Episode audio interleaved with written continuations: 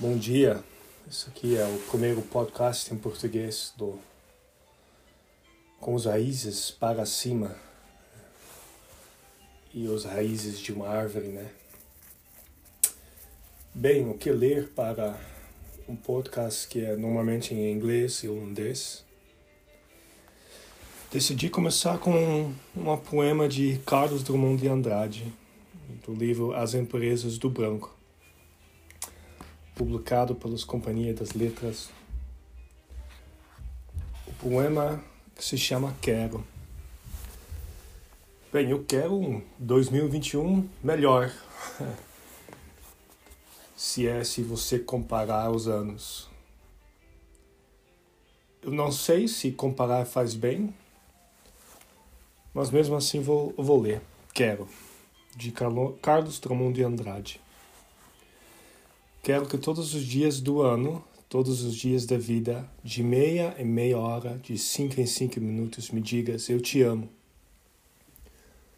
Ouvindo te dizer eu te amo, creio no momento que sou amado.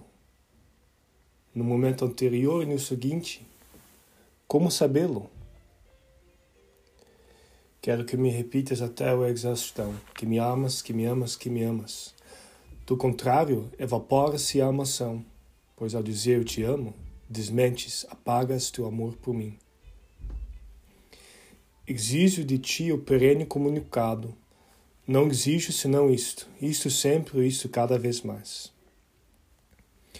Quero ser amado por e em tua palavra, nem sei de outra maneira não ser esta, de reconhecer o dom amoroso, a perfeita maneira de saber se amado amor na raiz da palavra e na sua emissão, amor saltando da língua nacional, amor feito som, vibração espacial.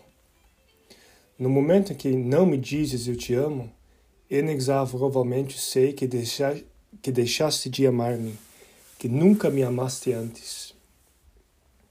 Se não me disseres urgente e repetido, eu te amo, amo, amo, amo, amo, amo, amo, amo. Verdade fulminante que acabas de desestranhar.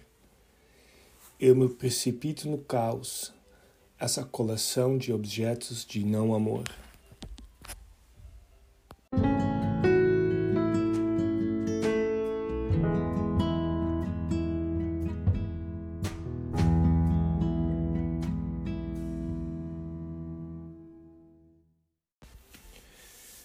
Bem, por favor me desculpem o meu português, não é a língua que falo diariamente.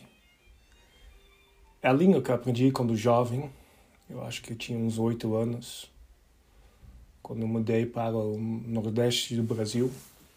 Espero também, ler esse podcast, uh, a poesia nordestina.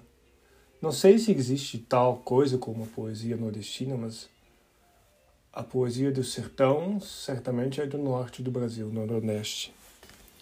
Agora, Carlos Drummond de Andrade com Quero. Aí está, né?